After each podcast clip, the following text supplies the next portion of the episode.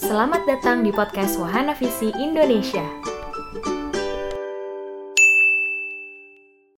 Selamat malam dan Dokter Tan juga selamat malam. Terima kasih sudah bergabung di live bersama dengan Wahana Visi Indonesia.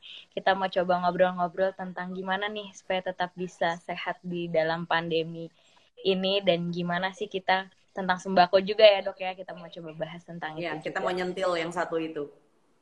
Oke okay, baik. Oke okay, dokter Tan, uh, jadi kan um, teman-teman di rumah gitu ya netizen netizen nih banyak juga yang bertanya gitu.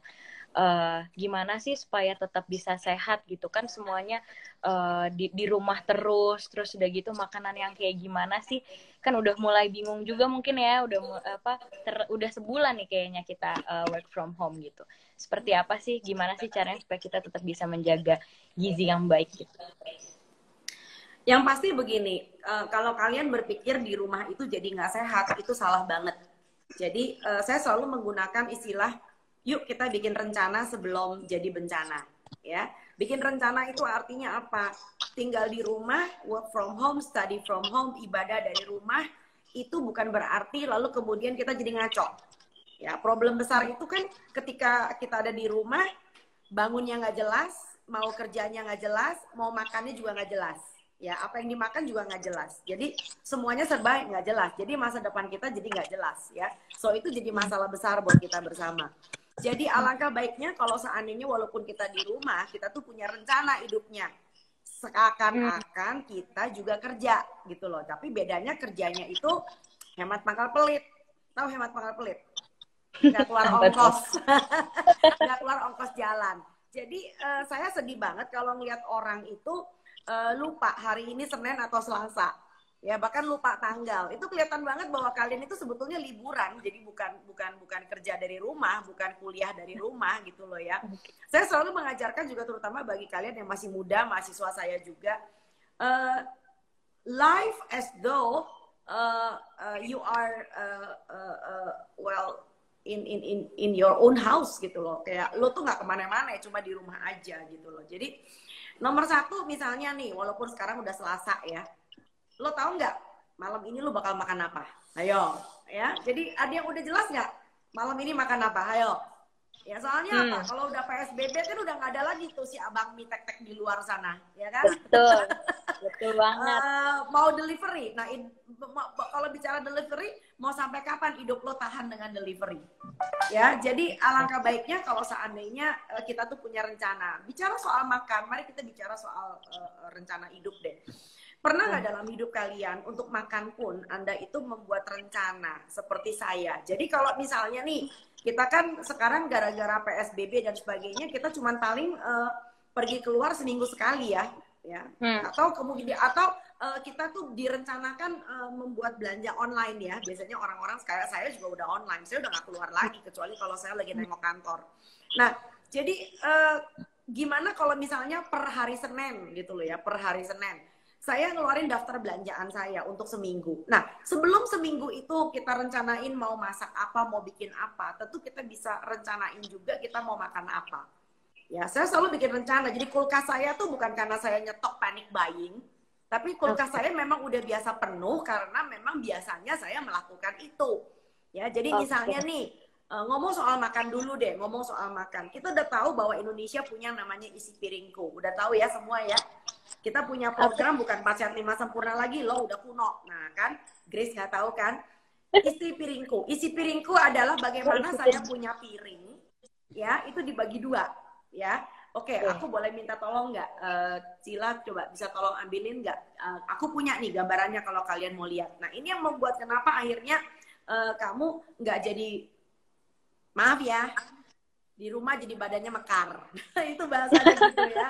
Jadi bagaimana bagaimana saya punya yang namanya nah ini contohnya nih nih oh gambarnya terbalik ya nggak apa-apa deh ya. Ini adalah isi piringku yang sudah dicanangkan oleh Kementerian Kesehatan ya kan ya. Ini bukan ini bukan cerita sebelum tidur bukan sesuatu yang sulit untuk dilakukan ya. Gimana kalau tiap hari piring kamu ya tiap kali makan bukan cuma tiap hari itu bisa dibagi dua. Tuh lihat tuh ya. Kita punya sayur sama buah. Bayangin bayangin kalau cuma sarapan pagi isinya nasi uduk doang segini banyak ya. Lalu kemudian pakai irisan telur bintang di langit gitu kan. Udah kacau ya dari situ udah kacau. Nah, bagaimana dengan isi piringku ini? Anda bisa merancangkan menu. Ya kita bicara tentang lauk sekarang. Ya, lauknya apa kalau saya saya cenderung untuk membuat uh, rencana makan. Jadi misalnya senin ayam selasa tahu rebo ikan kamis tempe jumat jamur dan seterusnya. Dengan demikian kita menjadi lebih hemat kan? Ya satu hari menunya sama nggak masalah. Karena ya kita bukan restoran kan gitu loh ya. Jadi ya pagi siang malam. Jadi ini bukan cuma sekedar untuk kalau kita cuma makan siang. Ini terjadi untuk setiap kali makan. Makan pagi makan siang dan makan malam hmm. ya. Nah dengan anda punya rencana mau bikin apa mau masak apa tentu ketika anda uh, uh, uh, pesan lewat layanan antar ya lewat apa pun aplikasi yang sekarang ada atau seperti saya titip sama tukang ayam saya tukang ayam saya keren loh di pasar. Dia mau dititipin beli pete beli daun singkong beli labu siam dia tuh mau gitu loh. Loh itu kan jadi ya. pemerataan juga yang biasanya dia cuma jualan ayam sekarang dia lumayan istilah orang Jawa kayak bati gitu ya dapat nah. dapat ongkos belanja gitu loh lalu kemudian dia tinggal titipin barangnya di depan saya punya teras, lalu kemudian di teras hmm. saya udah saya sediakan amplop isinya uangnya dia. Jadi seminggu sekali saya bisa melakukan hal seperti itu. Ya itu salah satu contoh contoh yang paling gampang ya. Lalu kemudian uh, Anda bisa tentukan Anda mau bangun jam berapa ya. Buat kalian barangkali yang eh, pagi-pagi uh, harus ada yang sholat, ada yang harus ada ibadah pagi misalkan. Jadi hmm. jangan sholatnya jalan ibadah pagi habis itu molor lagi. Wah ya kacau gitu loh. Jadi coba okay. deh begitu udah sholat, begitu ibadah pagi, and then apa yang mau anda lakukan? Sarapan itu menu yang pertama, ya. Habis sarapan, hmm. lalu istirahat sebentar, barangkali anda mau olahraga sambil jemur dan sebagainya. Habis itu apa? Mandi. Ya, ini adalah sesuatu hak eksklusif buat kita yang kalau kita kerja kantor nggak bisa kita kerjain kan gitu loh. Anda punya hmm. drama kan? Pagi-pagi ngejar angkot, pagi-pagi mesti naik gojek, segala macam, mesti berangkat ke kantor, nggak punya waktu olahraga, nggak punya waktu jemuran, ice. Sekarang nggak ada alasan. So, abis sarapan Anda punya waktu buat olahraga, buat jemur. Abis itu apa? Mandi. Jangan lupa abis mandi dandan yang cantik. Pakai baju yang bagus, jangan daster.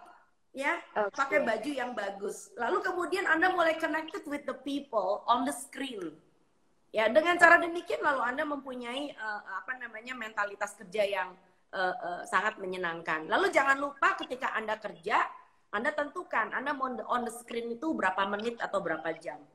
Ya, kalau misalnya nih saya cuma betah uh, jam 9 sampai jam 10 setengah 11, fine. So itu adalah waktunya Anda rehat. Nah, Anda bisa minum, Anda bisa stretching sebentar, Anda bisa pergi pipis. Habis itu apa? Hmm. Saya mau on lagi Ya, lalu kemudian apa? Saya mau istirahat makan siang jam 12, jam setengah satu misalnya. Hmm. Ya, dan seterusnya. So around the clock, you make yourself busy. Begitu Anda sudah membuat diri Anda lalu kemudian uh, sibuk, teratur, genah, so saya rasa nggak ada masalah. Nah, bagi kalian yang kerja di rumah dan harus mendidik anak-anak juga di rumah, ya. So jangan sampai hmm. itu orang yang kamu kawini katanya orang yang paling kamu cintai loh ya Jangan gara-gara work from home, dia menjadi musuh terbesar kalian di rumah. saya menerima banyak sekali keluhan yang mengatakan, dok, ini ya gara-gara saya di rumah saya jadi berantem sama seisi rumah. Ya kan? Sama suami saya, sama anak saya. Loh, katanya dulu dikawini karena kamu cinta mati sama dia. Ya zamannya pacaran lengket bener kayak stiker ya kan? Nah sekarang betul-betul nih sama Tuhan dipersatukan dalam suatu keluarga, dalam rumah dijadiin musuh bebuyutan buat berantem. Ya opo gitu. Ya jadi ya ini kan kocak banget gitu loh ya. Ya baga bagaimana kalian juga dulu membangun rumah membuat rumah? Rumah adalah istanaku. Lah sekarang istananya istananya ditinggalin tuh. Ya kalian lebih seneng keluyuran keluar rumah kan kocak namanya gitu loh. Hmm. so jadi kan rumahmu adalah istanamu. Itu itu itu menyenangkan sekali Ya, jadi ada waktu-waktunya ketika kamu nggak working on the screen, ketika kamu nggak lagi ngajarin anak misalnya, Anda bebersih tuh, oh ternyata di sudut-sudut udah mulai kelihatan ada sarang laba-laba. Oh ternyata saya punya pintu, oh engselnya ada yang nggak beres. Itu dalam momen di mana kita sungguh-sungguh mencintai rumah kita sendiri. Saya rasa itu dulu Mbak Gracia. Oke, berarti sebenarnya gimana tetap sehat tuh juga uh, bergantung sekali sama yang namanya planning ya dan itu tetap harus di planning jangan sampai oh, di iya rumah dong iya dong iya dong iya dong sama kayak orang mau punya keluarga orang mau punya rencana mau punya anak you need to plan it gitu loh Nggak Hmm, bisa hmm. giliran mau bikin anak ya bikin 2, 3, 4, 15. Kacau hidup kita. Oke, nah dok, eh, ini banyak banget nih orang-orang yang eh, tadi kan seperti dokter juga udah sempat mention, jadi cuman seminggu sekali pergi keluar untuk belanja gitu, bahkan ada yang sampai panic buying gitu. Nah sebenarnya untuk kita supaya bisa menjaga makanan yang kita simpan itu adalah makanan-makanan yang sehat, itu harusnya yang kita stok tuh yang tipe kayak gimana sih gitu, yang bisa tahan lama, Oke. tapi terus Ya, juga jadi menurut ya menurut saya tuh nggak perlu sampai nyetok ya. Jadi begitu Oke. Anda sudah punya planning Senin sampai dengan Minggu mau bikin apa, so pulang dari pasar atau pulang dari belanjaan itu, kebanyakan manusia itu they don't prepare anything. Semua barang belanjaan masuk ke dalam kamar mayat. Kamu tahu kamar mayat ya, Grace? Kalau perlu sama bungkusan kresek-kreseknya masuk ke dalam kamar mayat. So itu kesalahan besar kalian gitu loh. Jadi giliran-giliran kita mau masak, giliran kita mau masak stres sendiri. Loh, ayamnya masih beku. Loh, ikannya masih bekangkang. So ujung-ujungnya apa? Halo, go food. ya kan jadi kocak gitu loh ya. Jadi kalau Anda pulang dari belanja, Anda dibelanjain sama orang ya. Anda bikin, Anda prepare seakan-akan itu semua mau dimasak seakan-akan. Ya, Hmm. tapi satu nggak naik ke atas kompor. Jadi ayam sudah dibersihkan, udah dibacok, ikan sudah dirapikan, bahkan sudah dibumbui kalau perlu. Ya. Nah, lalu Oke. kemudian kalian punya kan wadah-wadah tuh ya, yang kuning, oranye, merah, hijau, coklat, wadah-wadah itu, ya kan? Saya nggak berani nyebut merek, nanti saya ditangkep. Nah, wadah-wadah itu bisa kalian labelin kan? Yang kuning Senin, yang hijau Selasa, yang biru Rebo, yang pink hari Kamis, ya. And then you stack it in the freezer gitu. Seakan-akan itu memang barang lo yang bakal lo makan nanti Senin, Selasa, Rebo dan sebagainya. Nah, Oke. kalau besok ini Rebo nih, maka Selasa malam malam ini makanan buat besok kamu turunin di kulkas bawah. Nah, besok bangun pagi nih ya. Sebelum Anda mandi, sebelum Anda olahraga, nah itu benda-benda bisa naik ke atas kompor kan? Nah, Iya. Iya, olahraganya kelar, mandinya kelar, itu makan siang udah siap. Oh, Anda Oke, nggak punya alasan lagi. Jadi yang repot, yang yang yang repot dari orang masak itu sebetulnya bukan waktu masaknya, tapi preparationnya. Hmm. Ketika ngupas bawang, ketika anda ngulek, ketika anda harus ngerajang dan sebagainya. Aku rasa begitu mbak. Oke, berarti ya sebenarnya nggak perlu panic buying ya, nggak perlu nyetok banyak-banyak. Lah, Karena ngapain panik? Ujung-ujungnya Hmm. yang panik bayi yang lucu begini nih. Yang yang yang lucu begini, yang lucu begini. Ya. Biasanya kalau cebok pakai air. Yang dibeli tisu berorol. Gue lagi mikir itu tisu buat apa coba? Iya Ya benar. itu orang panik bukan? Ya. Biasanya kita masak ayam, kita biasa masak ikan, betul ya? Yang dibeli sekarang yang boten-boten, kalengan, anak-anak dibeli Iya. frozen food. Jadi Mm, ini ini ini ngeri banget gitu loh. Jangan sampai eh, jangan sampai urusan pandemi ini bukan cuma sekedar ekonominya yang rusak, tapi ketahanan tubuh kita juga hancur gitu loh, rusak gitu loh. Hmm.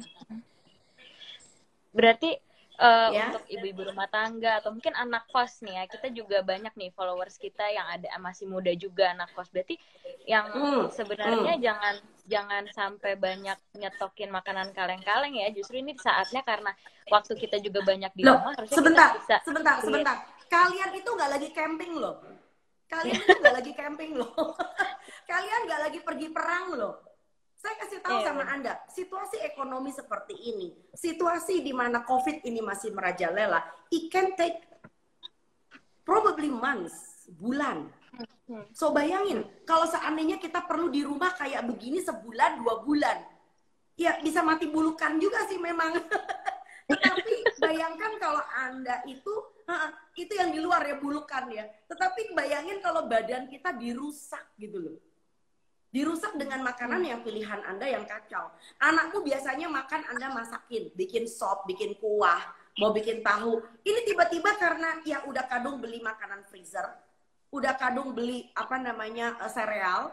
Jadi tiba-tiba makanan yang tadinya sehat, ya kan? Bikin makanan sendiri buat sarapan, anakmu jadi diberikan sereal yang tinggi gula.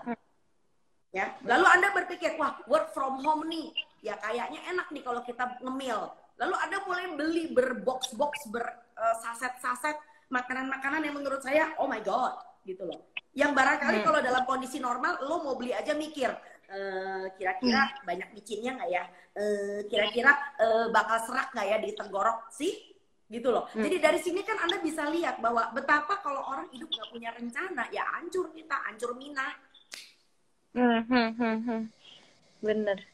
Oke, berarti itu catatan penting ya Bener buat teman-teman nih yang masih muda juga atau mungkin yang udah berumah tangga mau nyet mau uh, makanan sehari-hari jangan banyak makanan kalengan ya, justru harus dari yang fresh.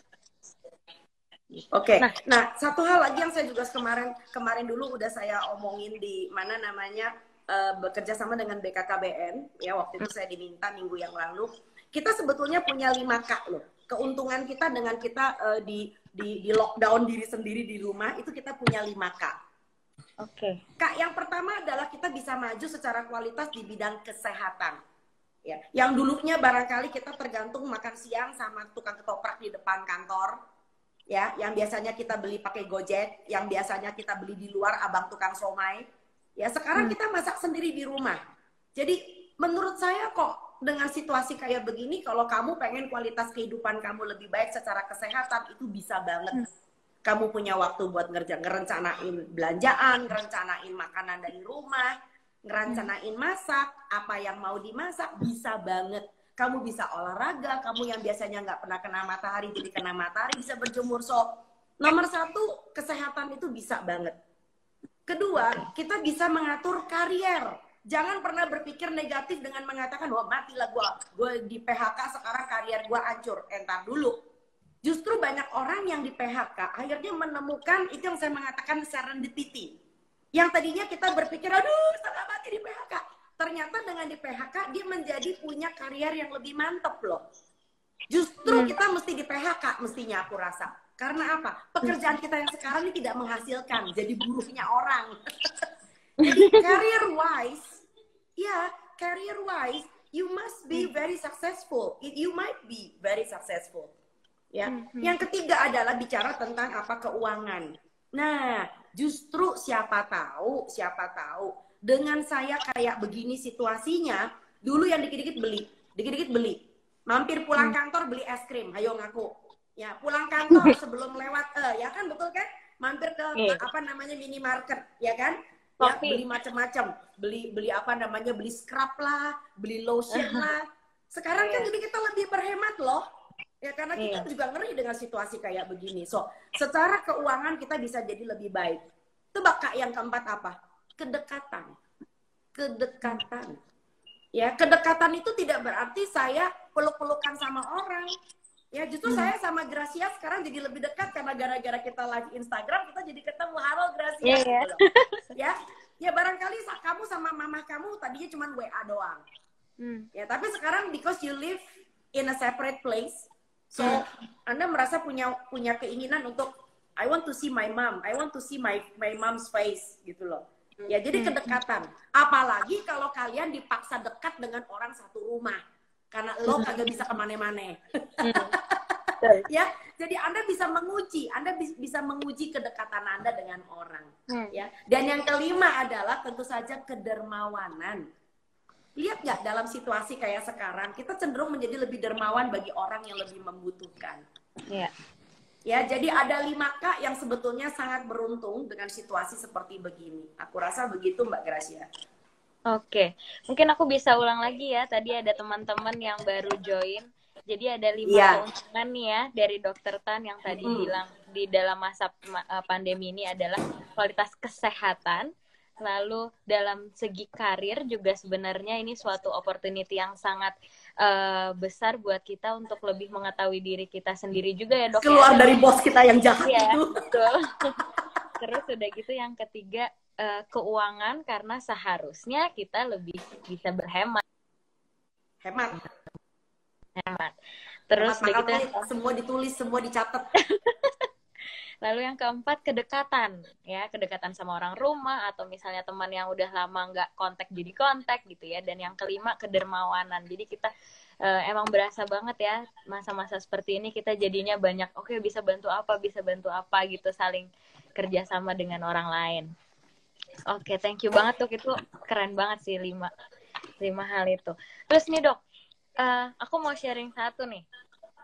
Jadi uh, banyak teman-teman aku yang masih muda masih muda ini selalu bilang kan oh ya mau beli deh makanan sehat atau mau bikinin makanan sehat. Tapi selalu standarnya tuh kayaknya tinggi sehingga mereka banyak juga yang komen makanan sehat tuh mahal. Mungkin aku juga nggak ngerti. Mungkin standarnya adalah dari apa yang selama ini kita beli di luar gitu ya makanan sehat macam salad oke okay, yuk kita kembali ke sini gimana tuh ya ya yuk kita kembali ke sini, kembali ke sini ya. Kalau Anda bilang makanan uh, sehat hmm. itu mahal, gua cekek beneran.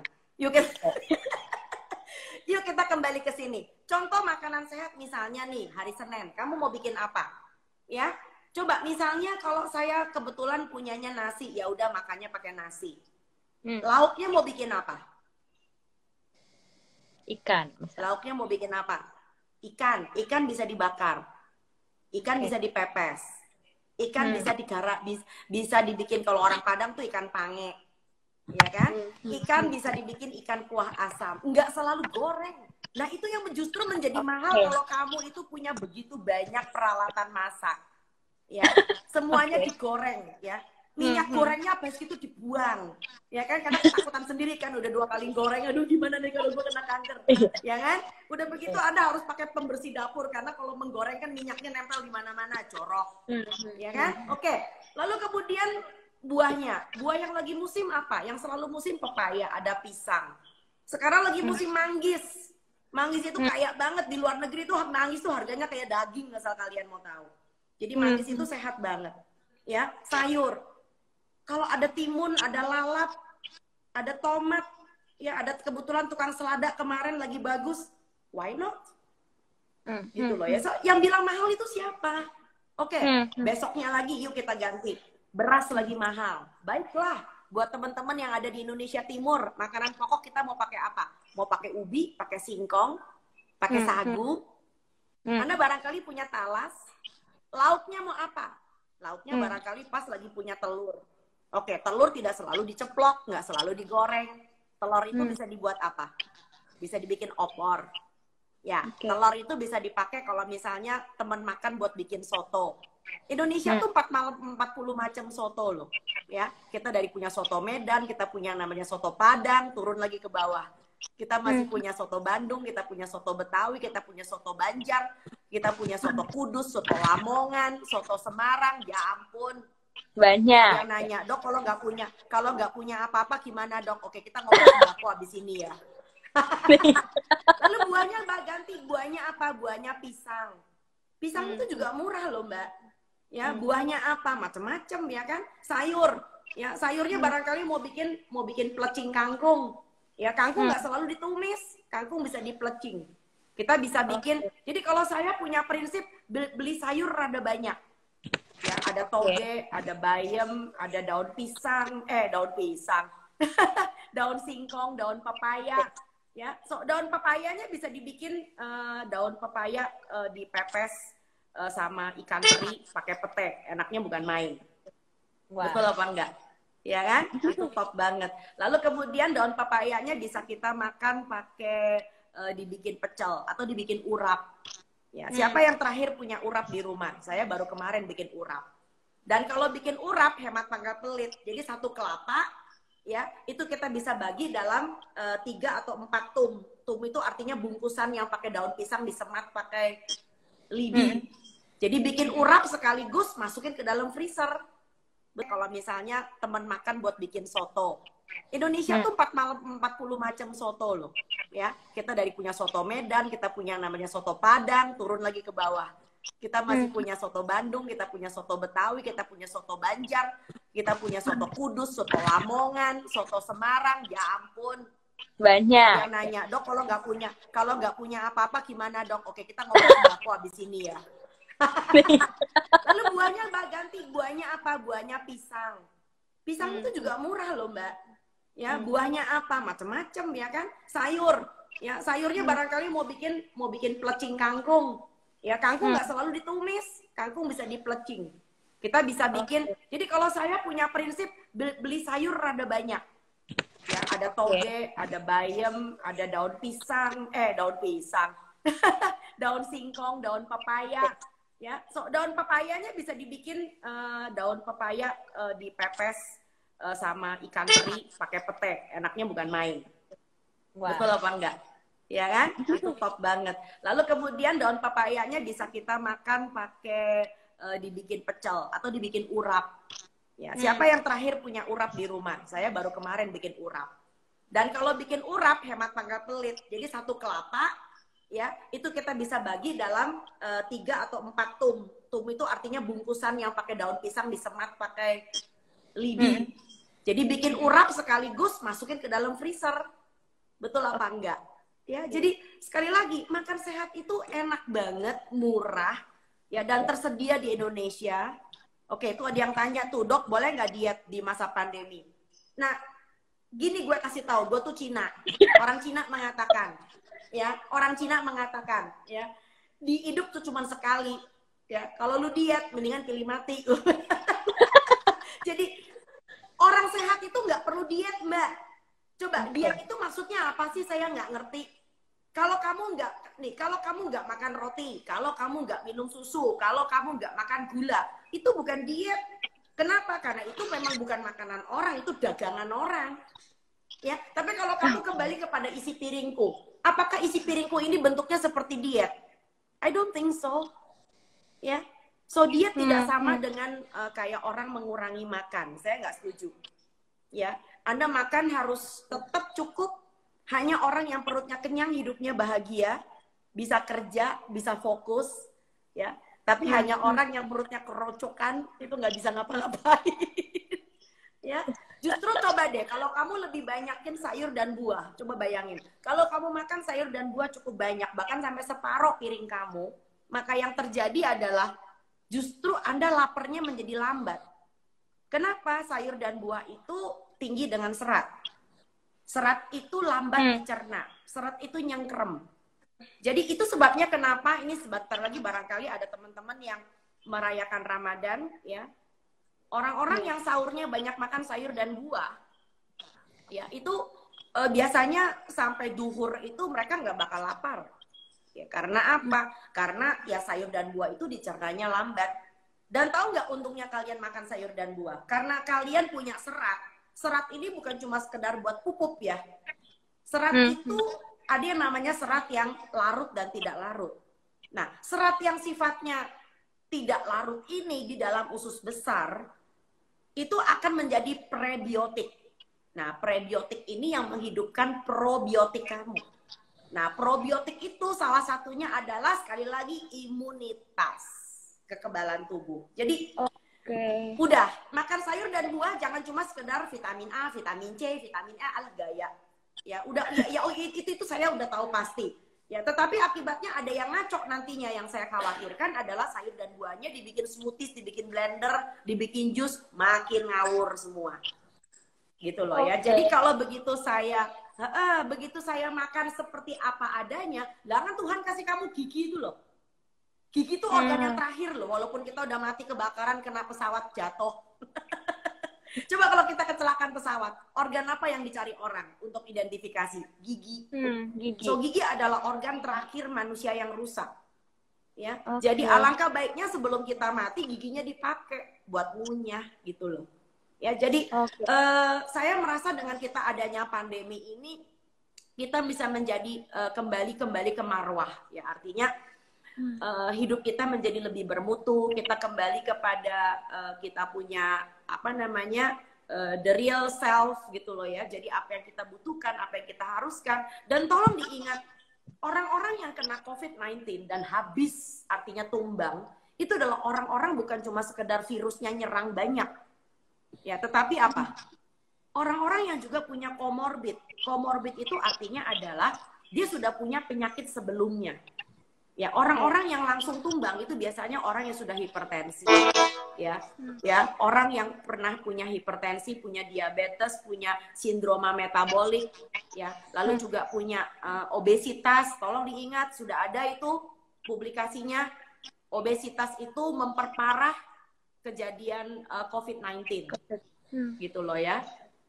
Jadi alangkah baiknya terima kasih Aviani.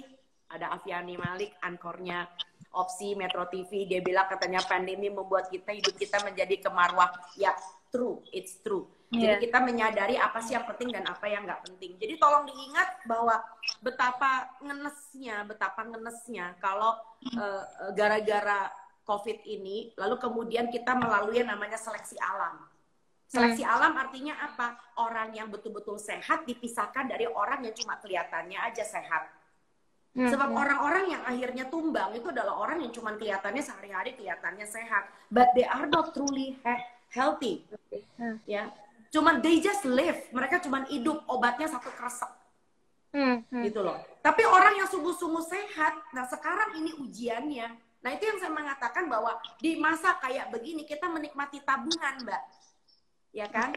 Ya, hmm. ada tabungan apa namanya uang, tapi juga ada tabungan kesehatan. Hmm Ya, jadi iya. orang-orang yang memang uh, punya tabungan kesehatan di masa kayak begini, mereka bisa bersuka cita.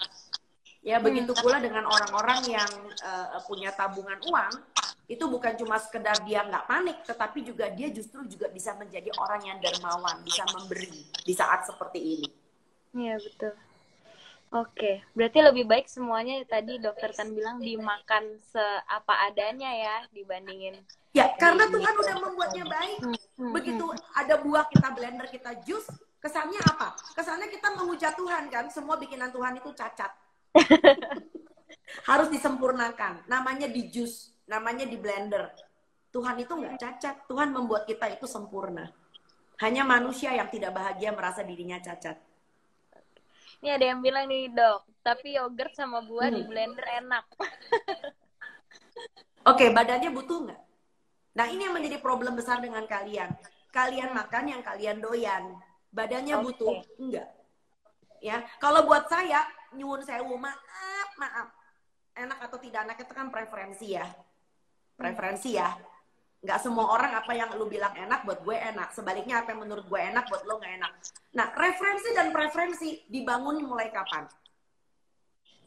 Tebak mulai kapan? Sejak kecil. Okay. jadi jadi saya kadang-kadang suka sedih nih buat anak-anak yang makanannya atau angkatannya Graciade yang yang yang kedoyanannya tuh buat saya eh, kayak gitu dibilang doyan. Itu biasanya tuh saya suka nyalain bukan siapa-siapa mak lo. Karena apa? Enak atau tidak enak itu tergantung Anda diajarin, Anda dibiasain apa enggak. Kalau nggak diajarin, nggak dibiasain, nggak ada yang bilang enak. Ya, dan ini merupakan suatu peringatan bagus juga buat calon mama atau yang sudah jadi mama, mama muda, Mahmud. Hmm. Jangan sampai nanti suatu hari kamu dikutuk sama anak kamu. Kenapa? Ngajarin yang nggak bener.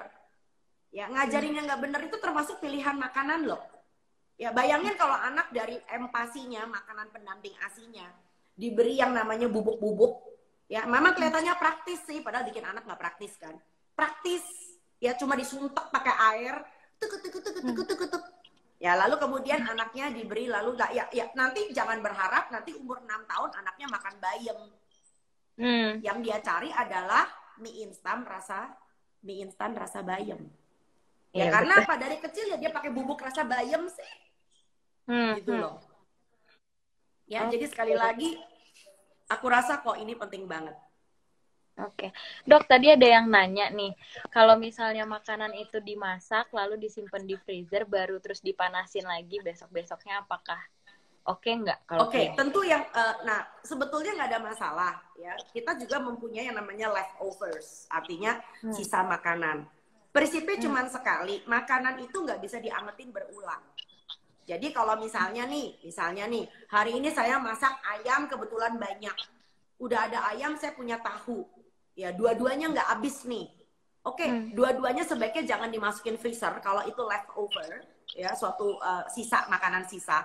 Masukin aja ke kulkas biasa. Nah, besok pagi itu modal buat sarapan, Mbak. okay. Jadi pada kesempatan pertama habiskan.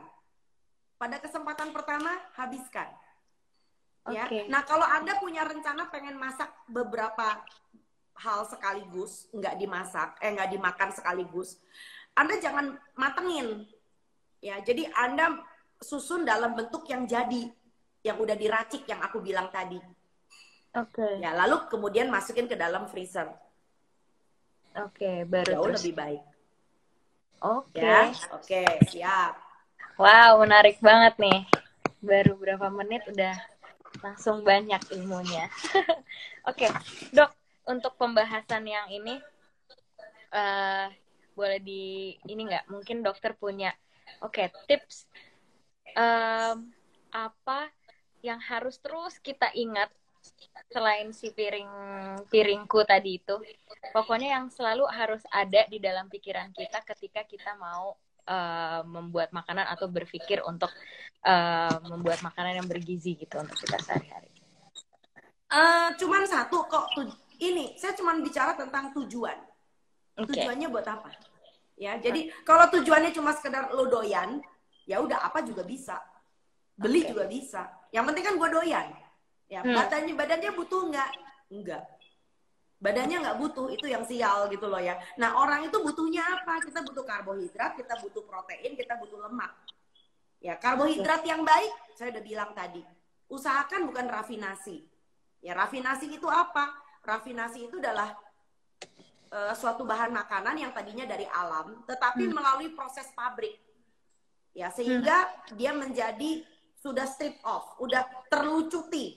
Jadi kalau beras udah jadi beras putih, mengkilap kristal, pulen.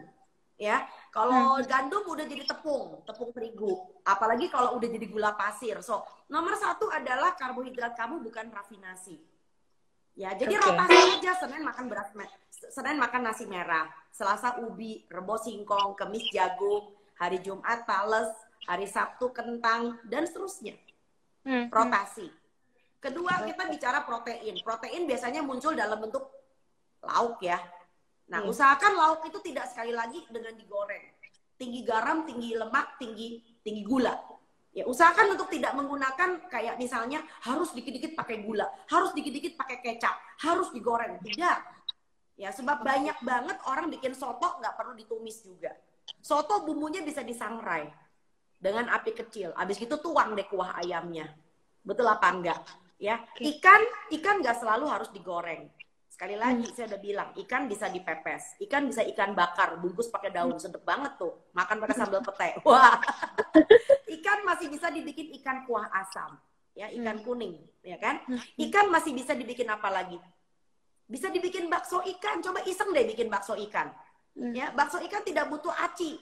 Kalau aci itu karena si engkok yang bikin pengen untung, jadi acinya banyak, ikannya dikit.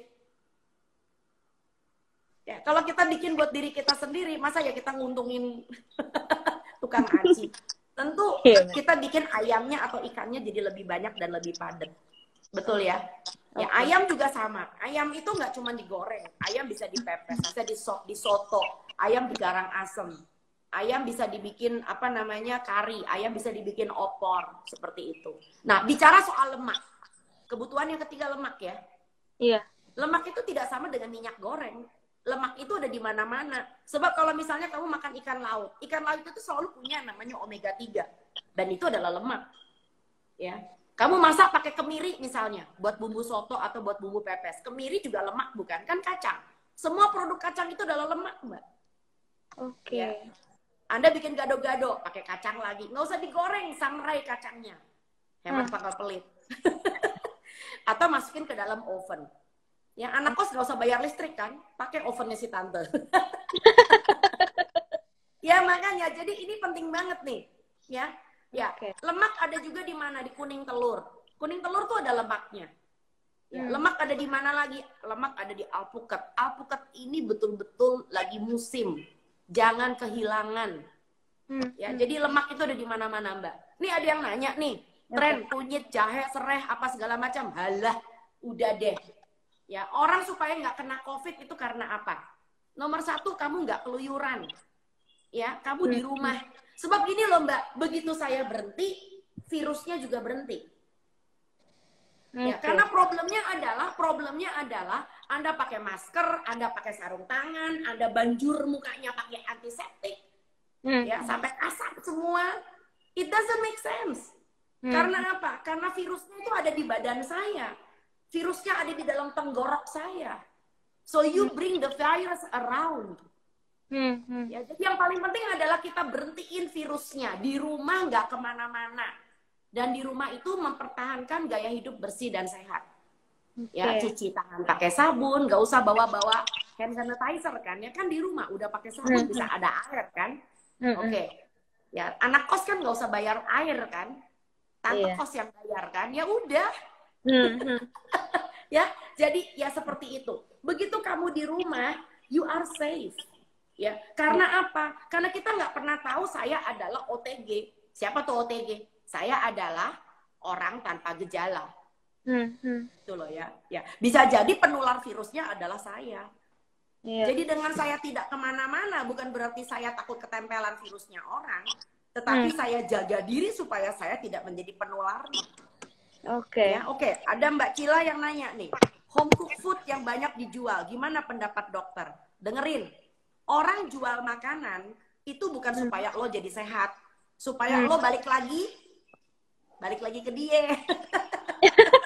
ya, so barangkali yang dia bilang sehat itu versi siapa? Versi yang jual.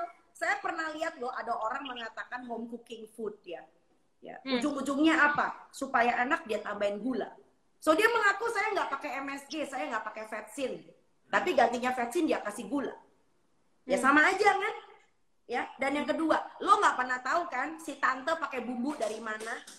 Kalau kita kan kalau masak sendiri ketil banget kan, bawang merah kita pilihin, jahe kita pilihin nggak yang berbuluk-buluk. Lah menurut lo, kalau dia catering, dia masak buat 10 keluarga, buat Hmm.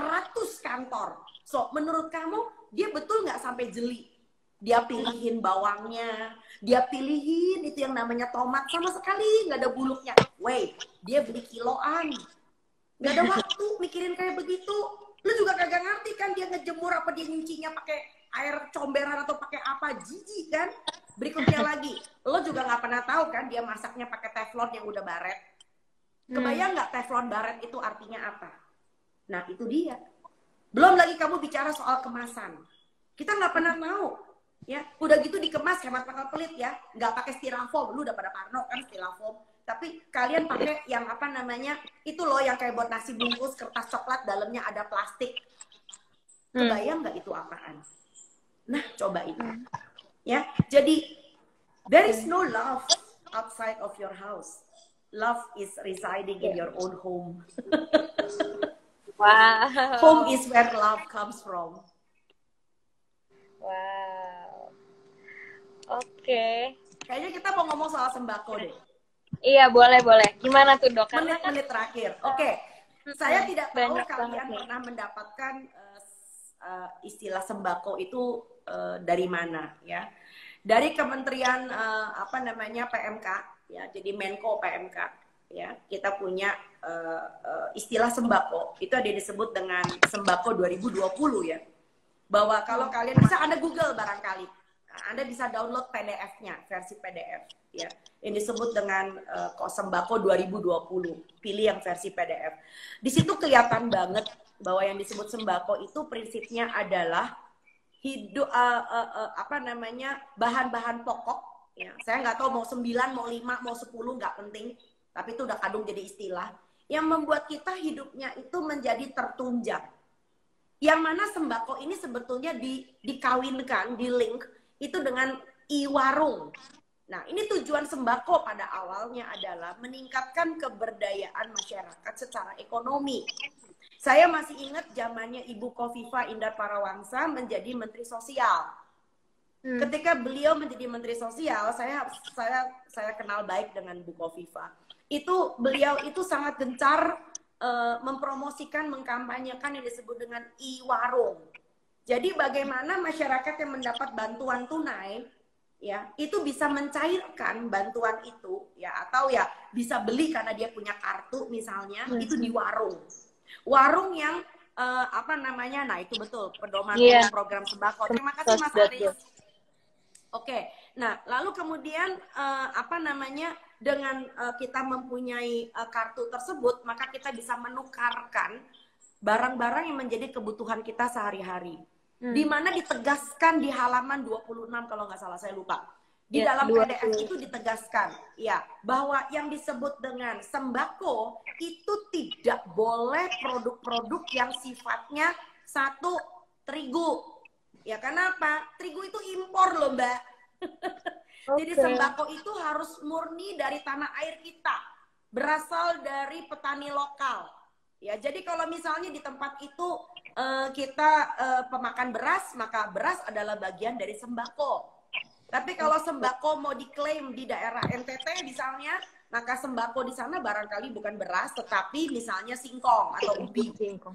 Ya, lalu kemudian yang kedua, sembako tidak boleh termasuk empasi kemasan. Nah, itu dia. Karena yang mesti hidup kan bukan cuma kita yang dewasa, tapi juga anak-anak yang masih tumbuh kembang. Betul ya? Hmm. Oke, lalu yang ketiga adalah tidak boleh diberikan rokok. Jadi bayangin Pasti, ya. kalau ada orang, uh, bayangin kalau ada orang mengaku dia membagi sembako, isinya mie instan, hmm. ada gula hmm. pasir, ya, dikasih, oke okay, minyak goreng masih termasuk sembako deh ya. Tetapi kalau lalu kemudian telurnya nggak ada, ya, justru yang penting-penting dalam hidup manusia. Orang kan nggak mungkin kan makan yang namanya beras ditabur sama kopi kan. So kopi nggak termasuk hmm. sembako loh mbak. Okay, ya, okay. bayangin kalau di dalam sembako itu ada kopinya. Di dalam sembako itu ada rokok gitu loh. Atau ya kemarin paling konyol, minuman berenergi. Ya emang lu pengen hmm. pakai minyak lu ditaburin pakai minuman berenergi yang bener aja Ya, sembako hmm. itu membuat kita bisa hidup ber, ber, berkesinambungan.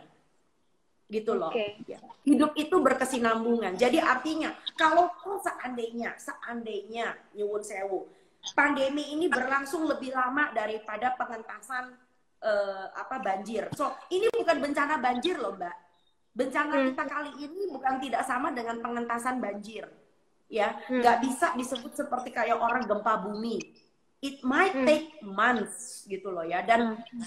yang lebih parah ini skalanya nasional mbak jadi kita harus okay. sudah mempunyai disebut dengan rencana nasional ya jadi bagi kalian yang bermurah hati kalian calon dermawan coba uh, barangkali ya sembako fine tetapi anda harus pikirkan jangan sampai nanti masyarakat kecil ya dapat sembako berkilo-kilo ya ujung-ujungnya dia bingung karena apa dia nggak punya gas nggak punya minyak tanah karena sekarang orang nggak pakai nggak pakai kompor minyak tanah ya mbak pakainya kompor gas ya yeah. nah sekarang yeah. kalau punya beras banyak tapi nggak punya nggak punya alat penanak nasi ya punya minyak banyak misalkan karena dari kantor dapat sembako dari pinggir jalan dapat sembako. Ada yang bagi-bagi kan di pinggir jalan. Lalu kemudian dari RT dapat sembako. Tapi dia nggak punya gas. Lah apa minyaknya mau dimakan minyak mentah kayak gitu loh diterolok gitu kan nggak mungkin. Hmm, hmm. Ya, jadi ya kalau memang kita mau, yuk kita bikin, yuk ini ini ini disebut dengan kesetiakawanan nasional. Saya memanggil kepada seluruh teman-teman, kepada seluruh kerabat bangsa Indonesia. Kita sudah saatnya membuat yang disebut dengan dapur umum. So itu gunanya kenapa kita punya RT, kita punya RW. Nah, Pak RT, Pak RW itu sebagai unit uh, kelompok masyarakat yang terkecil, itu bayangin kalau di setiap RW kita punya yang namanya dapur umum, Mbak. Gitu hmm. ya. Dapur umum itu bukan berarti lalu kemudian orang ngantri ngambil, belum tentu. Barangkali Pak RT dengan uh, Satpol PP dengan orang-orang yang di sebelah ya, kalau di desa itu kita punya disebut dengan petugas jaga desa. Mereka bisa membuat kayak rantangan gitu loh. Yuk berbagi rantang. It might hmm. take months gitu loh ya. Dan hmm yang lebih parah ini skalanya nasional, Mbak. Jadi kita harus okay. sudah mempunyai disebut dengan rencana nasional, ya. Jadi bagi kalian yang bermurah hati, kalian calon dermawan, coba e, barangkali ya sembako fine, tetapi Anda harus pikirkan, jangan sampai nanti masyarakat kecil ya dapat sembako berkilo-kilo, ya ujung-ujungnya dia bingung karena apa? Dia nggak punya gas, nggak punya minyak tanah karena sekarang orang nggak pakai nggak pakai kompor minyak tanah ya mbak pakainya kompor gas ya yeah. nah sekarang yeah. kalau punya beras banyak tapi nggak punya nggak punya alat penanak nasi ya punya minyak banyak misalkan karena dari kantor dapat sembako dari pinggir jalan dapat sembako ada yang bagi-bagi kan di pinggir jalan Lalu kemudian dari RT dapat sembako, tapi dia nggak punya gas. Lah apa minyaknya mau dimakan minyak mentah kayak gitu loh, diterolok gitu kan nggak mungkin. Hmm, hmm. Ya, jadi ya kalau me- memang kita mau, yuk kita bikin, yuk ini ini ini disebut dengan kesetiakawanan nasional. Saya memanggil kepada seluruh teman-teman, kepada seluruh kerabat bangsa Indonesia. Kita sudah saatnya membuat yang disebut dengan dapur umum. So itu gunanya kenapa kita punya RT, kita punya RW. Nah, Pak RT, Pak RW itu sebagai unit eh, kelompok masyarakat yang terkecil, itu bayangin kalau di setiap RW kita punya yang namanya dapur umum, Mbak. Gitu ya. Dapur umum itu bukan berarti lalu kemudian orang ngantri ngambil, belum tentu. Barangkali Pak RT dengan eh, Satpol PP dengan orang-orang yang di sebelah ya, kalau di desa itu kita punya disebut dengan petugas jaga desa. Mereka bisa membuat kayak rantangan gitu loh. Yuk berbagi rantang. Ya, jadi orang-orang yang sedang isolasi mandiri, orang-orang yang sedang karantina, itu secara rutin mendapatkan rantangan dari rumah ke rumah. Oke. Gitu loh. Yang saya takutkan adalah, yang saya takutkan adalah kalau kita hanya membagi bahan mentah, sementara rakyat nggak ngerti bahan mentah ini mau buat apa. Ya, yang saya takutkan sama seperti zaman saya di puskesmas loh, Mbak. Tahu apa? Gimana? Orang TBC dapat obat TBC, obatnya dijual ke pasar pramuka. Lah, Waduh. Hmm. lah i- i- ya, karena dia pikir apa? Loh, saya kan udah sehat, udah nggak batuk lagi. Hmm. Tapi dari puskesmas dapat obat TBC 6 bulan. Tebak, obat 6 bulan buat apa? Iya buat beli rokok, Dijual lagi ya. buat beli mie instan. Nah, dijual tuh pasar pramuka. Dulu zamannya obat-obat askes. So, jangan sampai, jangan sampai nih orang yang hari ini kita sebut sebagai kelompok masyarakat miskin, ya, atau yang mendapat dana bantuan, itu di belakang rumahnya itu ada satu kintal beras loh, Mbak. ya, karena apa? Dapat dari mana-mana, gitu loh. Tapi kita nggak berpikir berasnya ini bagaimana bisa mereka masak, bagaimana mereka bisa makan. Hmm. Ya. Oke. Jadi sekali Berarti- lagi eh, bangsa ini harus bangkit dan caranya kita bangkit adalah kita menggunakan akal sehat. Ya nggak cukup rakyat cuma dikasih beras, minyak, gula dan apa pun itu. Dan nggak mungkin orang bisa makan seperti itu setiap hari. Hmm. Justru yang kita perlu berdayakan adalah rantai makanan dari desa, dari nelayan, dari petani, dari orang-orang yang berkebun, dari peternakan tidak boleh putus.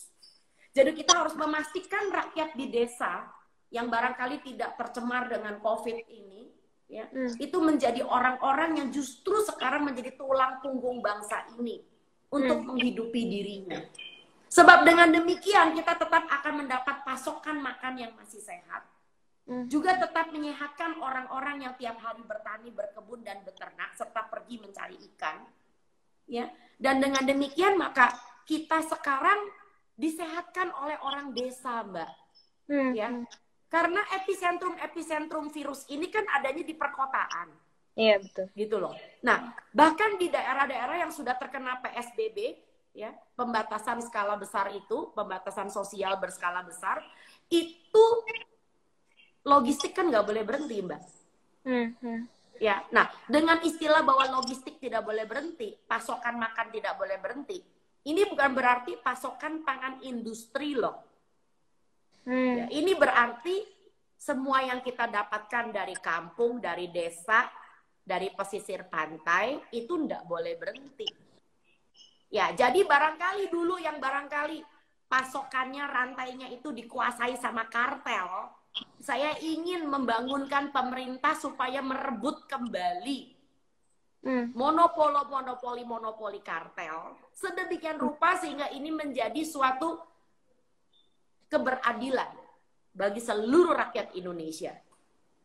Ya, sekarang kewajiban dari pemerintah untuk bisa sungguh-sungguh mengambil alih sehingga seluruh bangsa kita bisa menikmati hidup sehat yang sesungguhnya. Ya, bahwa bangsa kita tidak boleh seperti orang yang lagi pergi camping, makan kalengan, makan ikan sarden, kesian banget sih.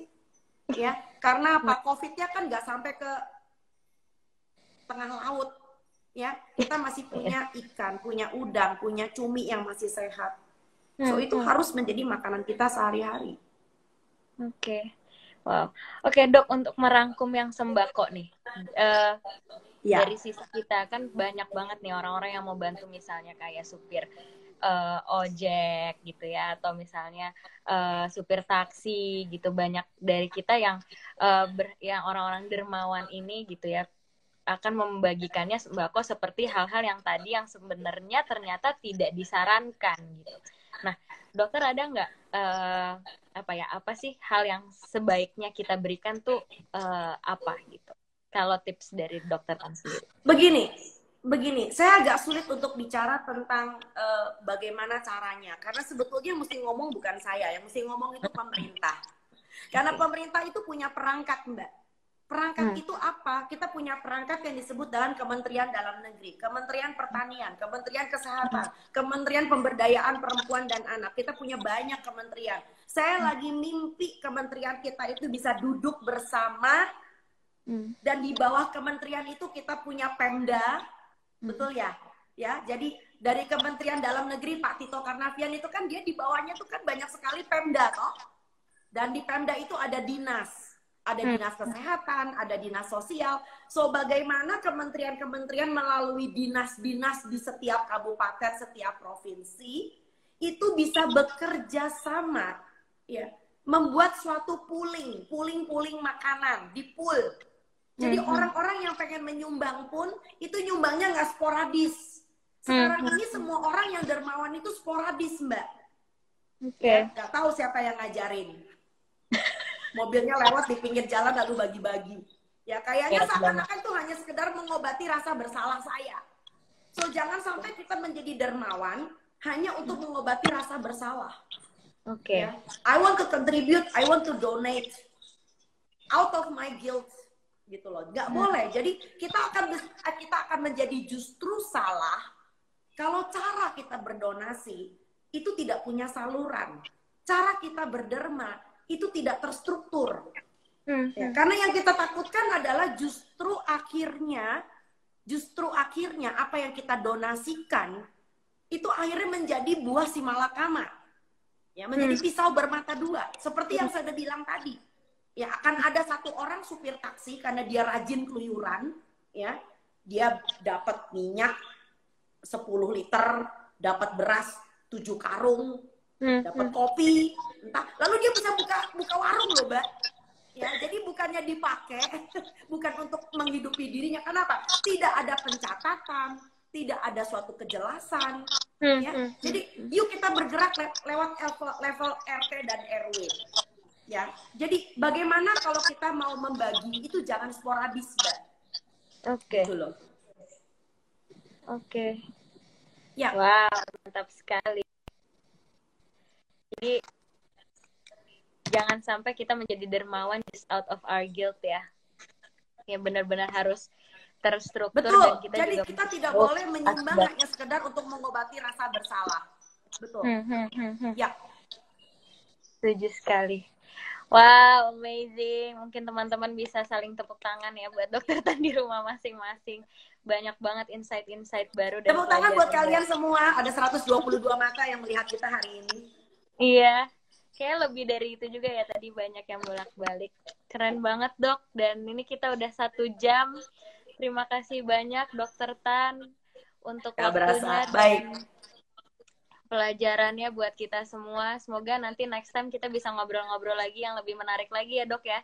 Tadi yang tentang sembako juga. Kita barangkali mau banget. bicara tentang kita barangkali mau bicara juga tentang hak-hak anak, terutama adalah kesehatan anak ya iya, kesehatan iya, uh, makanan pendamping ASI. Justru ini adalah Betul. saat ketika ibu-ibu harus kembali, ibu-ibu harus kembali hmm. menyusui anaknya secara eksklusif, nggak ada yeah. alasan, ya karena apa? Karena ini adalah momen ibu di rumah nggak ke mana-mana, ya mumpung hmm. ada suami bisa bantuin cuci cuci pakaian, nyetrika, ya. Hmm. Karena hmm. ibu yang bahagia adalah ibu yang bisa menyusui anaknya secara full ya hmm. karena begitu anda di rumah anda tenang maka nggak ada cerita bahwa air susu anda itu akan kurang sama sekali tidak ada cerita hmm. ya hmm. susui anakmu dengan baik buatlah makanan pendamping asi yang sehat dan uh, ya kita punya keluarga yang jauh lebih sehat karena kita punya wabah satu ini jadi biarkan demitnya pergi cepet-cepet Amin. Oke, okay, we love you all. Stay Thank safe you banget ya dokter ya. Sekali lagi. Dadah. Pesan ini disampaikan oleh Wahana Visi Indonesia.